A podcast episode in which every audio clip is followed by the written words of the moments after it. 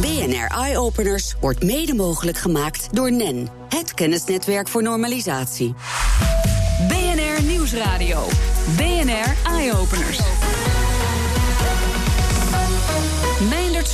Volgend jaar is het precies 100 jaar geleden dat er voor het laatst wezenlijk iets gewijzigd is aan de manier waarop we stemmen. Volgens de bedenkers van het nieuwe kiezen is dat niet echt een reden voor een feestje. Met een wijziging van het kiesstelsel zou de inhoud weer centraal moeten komen te staan. Niet meer stemmen op een partij, maar inhoudelijk per thema. Rudy van Belkom, initiatiefnemer van het uh, nieuwe kiezen. Welkom, goed dat je er bent. Dank u. Uh, waarom is het uh, hoog tijd, na 100 jaar, dat we gaan kijken naar een nieuw kiesstelsel? Nou, enerzijds dus omdat het al zo oud is. En dan kun je zeggen, nou ja, veranderen om het veranderen is geen reden. Maar de samenleving is de afgelopen 100 jaar wel enorm veranderd. He, 100 jaar geleden waren er niet eens asfaltwegen leefden we in een verzuilde samenleving. waarin we, hè, stel je bent katholiek opgevoed. dan ging je naar een katholieke sportschool en stemde je ook katholiek. Mhm. En nou ja, inmiddels zijn innovaties om ons heen. die maken het mogelijk om te kiezen naar, naar aanleiding van je eigen behoeften. Hè, dus een verzekeringsmaatschappij zegt ook niet: iedereen moet bij ons één pakket afnemen. Hè. Een telefoonaanbieder zegt ook niet: wij hebben maar één abonnement. Die kun je zelf samenstellen. En het kiesstelsel lijkt wel het allerlaatste wat in deze nou ja, modulaire samenleving is uh, ja, achtergebleven. Ja, we gaan straks misschien nog wel in op wat bezwaren die opgenoemd zouden kunnen worden tegen een nieuw kiesstelsel. Maar laten we eerst even kijken hoe dit er dan precies uit gaat zien. Wat hebben jullie bedacht? Nou, in de basis is het zo dat je met het nieuwe kiezen kunt stemmen per thema. Dus in plaats van dat je je stem aan één partij geeft, kun je zeggen: Nou, binnen dit thema kies ik voor partij A en voor een ander thema kies ik voor partij B. En in de praktijk moet dat ertoe leiden enerzijds dat je je stem beter kwijt kunt. Want als ik een stemhulp invul, dan zie ik juist dat ik niet volledig achter één partij sta, maar dat dat verdeeld is. Dat moet ook leiden tot minder verdeeldheid. ik ben zelf niet helemaal links, helemaal rechts. Mhm. ik ben op sommige punten misschien ietsjes links en het ander misschien ietsjes rechts. Nou, dat wil ik graag kwijt kunnen. Dus mijn stem wordt daarmee meer waard. En dat moet op de lange termijn ook leiden tot meer betrokkenheid. Ehm, daarbij als je mij vraagt op welke partij stem je, dan gaat er eigenlijk een soort van carousel door mijn hoofd met lijsttrekkers. En dan denk ik, nou ja, die vind ik wel sympathiek. Maar we hebben het hier wel over een, een kiesrecht, je stemrecht. Hè? Als mensen een loodgieter zoeken, dan struinen ze het hele internet af. En dan gaan ze vergelijkingssites erbij nemen en dergelijke. Ja, maar dan kies je ook niet de loodgieter per se die het leukste eruit ziet. Nee, dan ga je toch wel op de inhoud kijken, denk ik. en hoe zij uh, beoordeeld worden. Um, en dat is, hè, de lange termijn verandering is eigenlijk een soort cultuurverandering. Uh, aan, aan beide zijden. Dus politieke partijen zouden meer op de inhoud ook campagne moeten gaan voeren. In plaats van populisme. En de kiezer zou zich meer op de inhoud moeten gaan informeren in plaats van onderbuikgevoel. Ja, maar goed, dan kies je dus per thema. Dan zou het kunnen zijn dat je bijvoorbeeld op uh, economie op de VVD stemt, bijvoorbeeld. Maar dat je uh, zegt bij onderwijs D66. Hè. Dat zijn de partijen die dat dan claimen, bijvoorbeeld. Uh, maar gaat D66 dan ook inderdaad het ministerie van Onderwijs tot zich nemen na de verkiezingen als ze daar de meeste stemmen op krijgen? Zoiets? Nou ja, dat zou kunnen. En nu, nu ga je heel erg uit van de, de ideologie die we, die we kennen. Maar de vraag is of dat op de inhoud ook nog steeds stand houdt. Oh ja. Um, maar in principe stemmen per thema betekent ook regeren per thema. Dus in plaats van dat je één grote Tweede Kamer krijgt met oppositie en coalitie, zou je dan eigenlijk kleinere themakamers krijgen.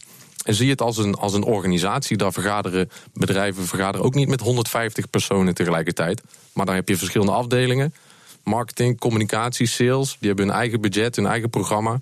Ze werken natuurlijk samen. En de afdelingshoofden die komen periodiek samen om de grote lijn af te stemmen. Nou, dat principe kan ook toegepast worden op het parlementaire stelsel. Ja, oké. Eh, eh, ik kan me wel voorstellen dat je die thema's dan heel goed moet benoemen. Want ik kan me ook wel weer thema's die op dit moment geen eigen departement hebben, uh, over verschillende thema's heen lopen. Noem maar bijvoorbeeld even duurzaamheid. Ja. Kan natuurlijk met economie te maken hebben. Zeker. Maar kan ook met onderwijs te maken hebben, uh, met infrastructuur helemaal. Zeker. En Hoe doe denk, je dat? Ik denk juist dat dat bevordert dat er meer wordt samengewerkt. He, nogmaals, de, de vergelijking met een organisatie, marketing en sales die kunnen ook niet zonder elkaar.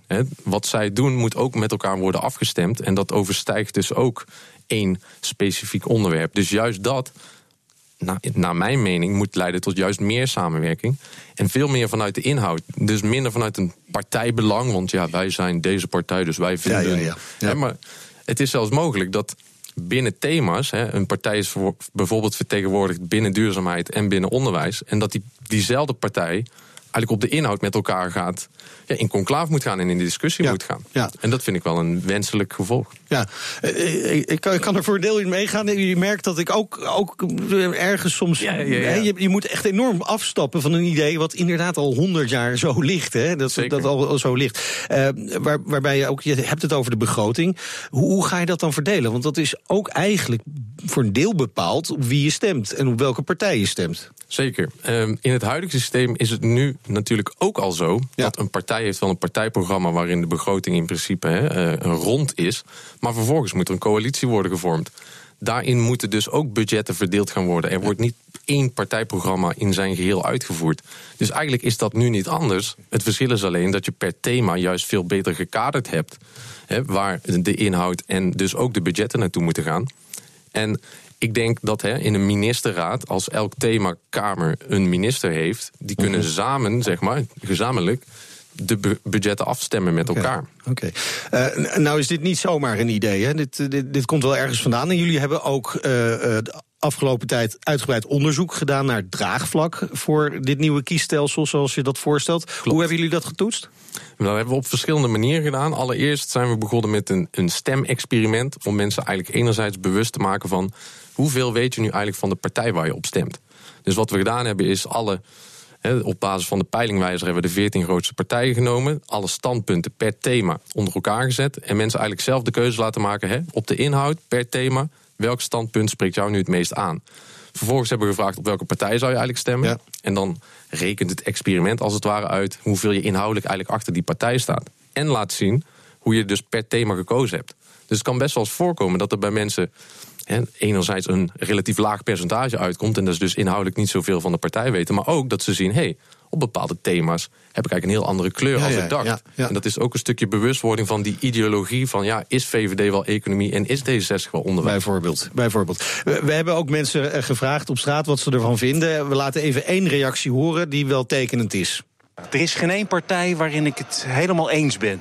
Absoluut. Ja. Zou het dan een idee- idee zijn om eh, voortaan zeg maar, per onderwerp op een partij te stemmen? Dus eh, pak een beetje het eh, eh, de defensie voor, eh, van de VVD en sociale zekerheid van de SP of iets dergelijks. Maar dan heb je een beetje de kieswijzer, toch? Ja, ik mis dan denk ik wel de ideologie van eh, een partij.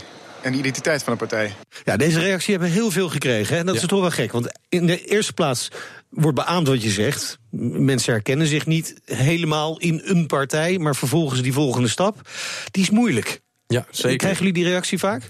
Ja, dat is, ik, ik denk dat het ook wel, wel logisch is. Hè. Mensen zijn eigenlijk evolutionair geprogrammeerd om risico's en verandering te mijden. Dus hè, dat we als we iets nieuws horen niet meteen vol of eh, meegaan, dat, dat vind ik ook logisch en dat is ook heel terecht. Ehm, interessant vind ik wel dat hij dus die ideologie lijkt te gaan missen. Ehm, maar voor alle duidelijkheid, wij zijn dus niet tegen volksvertegenwoordiging. Wij zijn Nee. niet tegen politieke partijen. Die blijven bestaan. Alleen worden ze op een andere manier gekozen. Ehm, en ik denk dat die ideologie, als we het daar dan toch over hebben, is juist iets. Hè, er is momenteel sprake van zogenaamde ideologische oneenigheid. Dat is een mooi begrip om aan te duiden dat wat mensen eigenlijk van thema's vinden. Vaak niet overeenkomt met wat de partij waarvoor ja, ze stemmen eigenlijk vinden. En juist bijvoorbeeld een D66 is voor onderwijs. Uit ons experiment blijkt op de inhoud dat ze daar juist het slechtst scoren. Echt waar? Ja, en dat, dat, ik wil niet zeggen dat ze het dan fout doen. maar nee, dat is wel een soort van bewustwording van... hé, hey, wacht eens even, hoe, hoe, hoe zit dat speelveld nu? Ja, dus des te meer reden voor mensen om toch ook nog even mee te doen aan dat onderzoek. Dat kan ook nog steeds. Ja, op het nieuwe kiezer.nl eh, blijft het stemexperiment open. En daarin kun je dus heel goed zien Ja. hoe je inhoudelijk eh, voor het thema staat. Tot slot, eh, Rudy, eh, eh, wat is de volgende stap voor het nieuwe kiezen? De volgende stap is onderzoek. Door Motivaction laten wij een representatief onderzoek uitvoeren... om echt te kijken, willen mensen dit kiesstelsel ook echt? Ja, nou, wie weet. Eh, misschien ook wel niet in nog een keer 100 jaar hebben we hier een ander kiesstelsel. Er moet nog wel wat, wat beren worden weggehaald van de weg. Hè? Zeker, maar ik heb, ik heb alle tijd. Je hebt alle tijd, mooi. Straks. BNR Nieuwsradio. BNR Eye-Openers. Ja, straks met een eh, nieuw kiesstelsel moeten we ook misschien maar naar een nieuwe manier van peilen. Een peiling die het wel altijd goed heeft. Daar gaan we het zo over hebben. BNR Nieuwsradio. Nieuwsradio. BNR Eye Openers. We hadden het net al over een nieuw kiesstelsel. Nou, dat is misschien nog een beetje ver van mijn bedshow. Maar wie weet uh, gaat het er uh, gewoon op een gegeven moment komen. Er zijn in ieder geval weer argumenten voor. Maar we kunnen misschien ook dichter bij huis zoeken. En eerst maar eens kijken naar een goede peiling. Want daar is de laatste tijd ook wel een hoop gedoe over. En in de aanloop naar deze verkiezingen is door de Center Data een wetenschappelijk experiment uitgevoerd. Waarbij een alternatieve methode van peilen is onderzocht. Dagelijks kregen 3500 respondenten van het LIS panel een vragenlijst over de verkiezingen voorgelegd. Boukje Culinare, Head of... Uh, ik ga het even goed zeggen hoor, de titel. Head of Survey Research Department bij Center Data. Welkom in de studio. Um, die peiling die jullie hebben bedacht. Wat is het verschil tussen de manier waarop de peilingen traditioneel plaatsvinden... en de manier waarop jullie peilen? Nou, er zijn eigenlijk twee, uh, twee verschillen. Het eerste is het panel. Kijk, om zo'n onderzoek te doen, moet je een goede groep hebben om je, je vragen aan te ja. stellen. Nou, ons panel verschilt eigenlijk op drie manieren van de, van de klassieke, van de andere panels. Ja, want die anderen claimen ook allemaal dat ze een representatief panel hebben. Ja, hè? ja. ja nee, snap ik. Oké. Okay. ik ga uitleggen wat wij, uh, wat ja. wij anders doen. Um, ten eerste, de manier van werving is toch anders bij ons dan bij de andere uh, onderzoeksbureaus.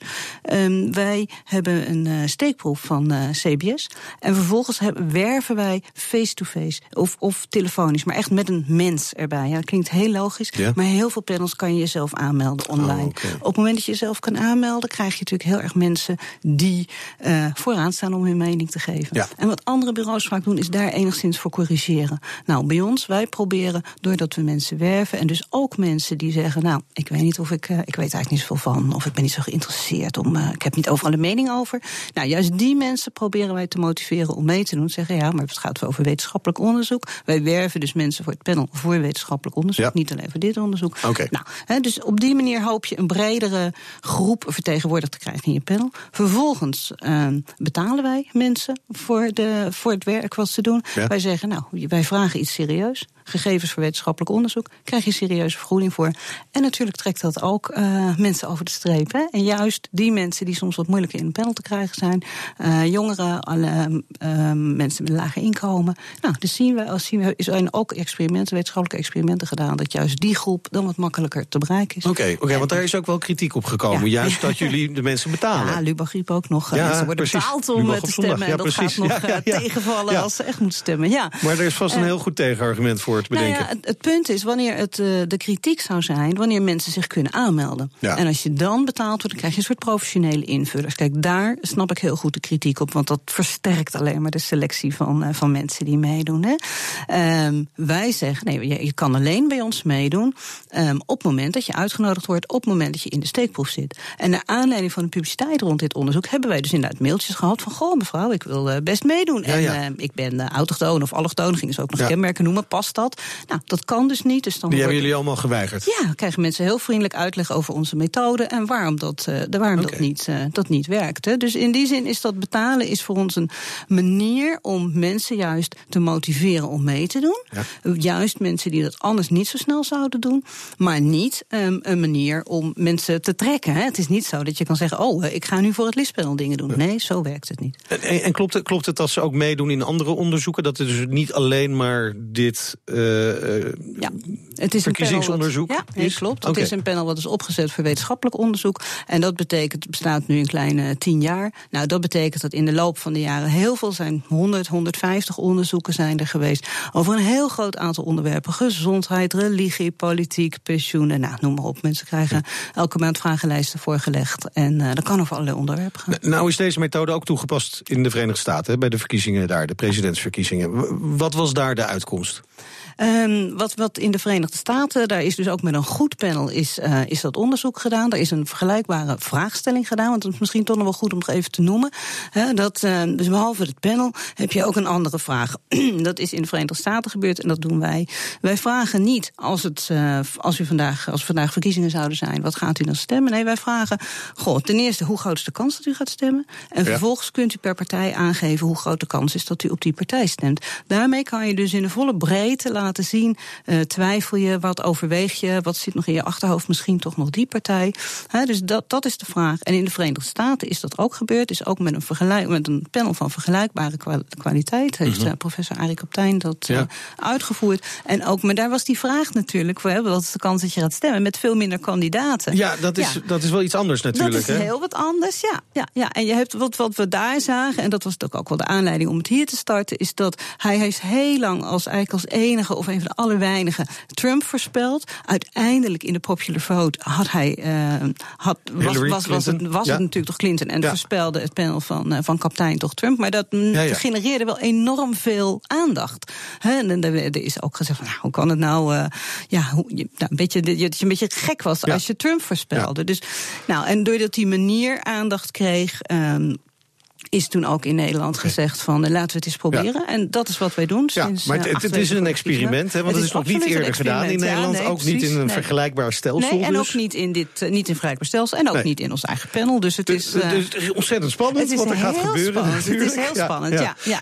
We hadden het natuurlijk net ook over een nieuw kiesstelsel. Hebben jullie daar ook vragen over gesteld? Een ander systeem misschien? Nou, wat wij doen is elke week gaat er een andere vraag mee. Dus behalve de vraag wat is de kans dat je gaat stemmen en per partij. We hebben één keer de vraag gesteld. Um, je kan je ook voorstellen dat, dat je uh, kiezen, dat je zetels kiest per loting. En wat vindt u daarvan? Nou, daar waren mensen niet zo enthousiast over. Dat was, uh, dat was niet zo, uh, nee. kregen we niet zoveel nee. voor. Goed, nou, ik zei het al, ontzettend spannend. Hè, want de verkiezingen ze zijn er morgen. Dus dan gaan we zien of inderdaad ja. jullie peiling het goed voorspelt. Wat, wat zijn de laatste uitkomsten? Nou, de VVD en de PVV heel dicht bij elkaar. En daarachter uh, ja, vier partijen. PvdA zakt echt weg, maar vier partijen. D66, GroenLinks, uh, CDA en de SP.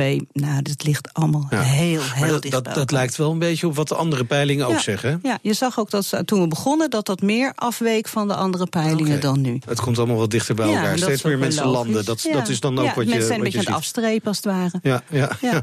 Rudy, heb jij, als je dit allemaal hoort... denk je van, nou, dat is wel een uh, goede manier?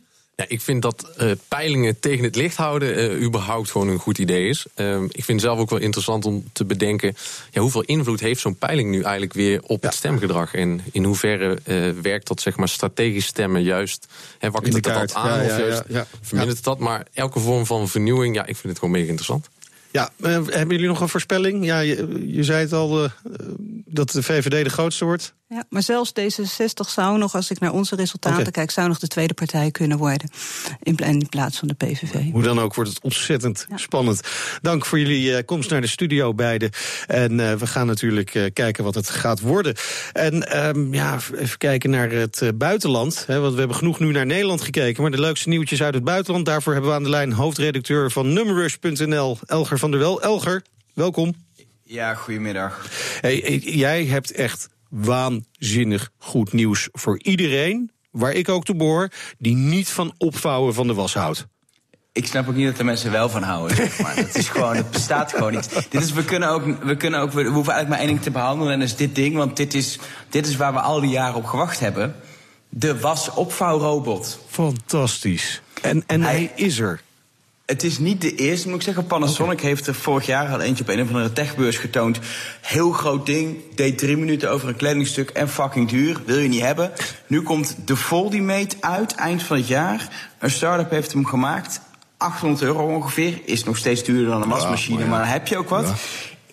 Ja. In nou, laat ik zeggen, twee, drie minuten. 25 kledingstukken, de hele wasmachine. Netjes opgevouwen, ontkreukt, eventueel parfumetje erbij, alles. Kun je zo het stapeltje oppakken, de kledingkast nee, Hier wordt in de studio nee geschud, nee. Ik, maar ja, niet door mij hoor.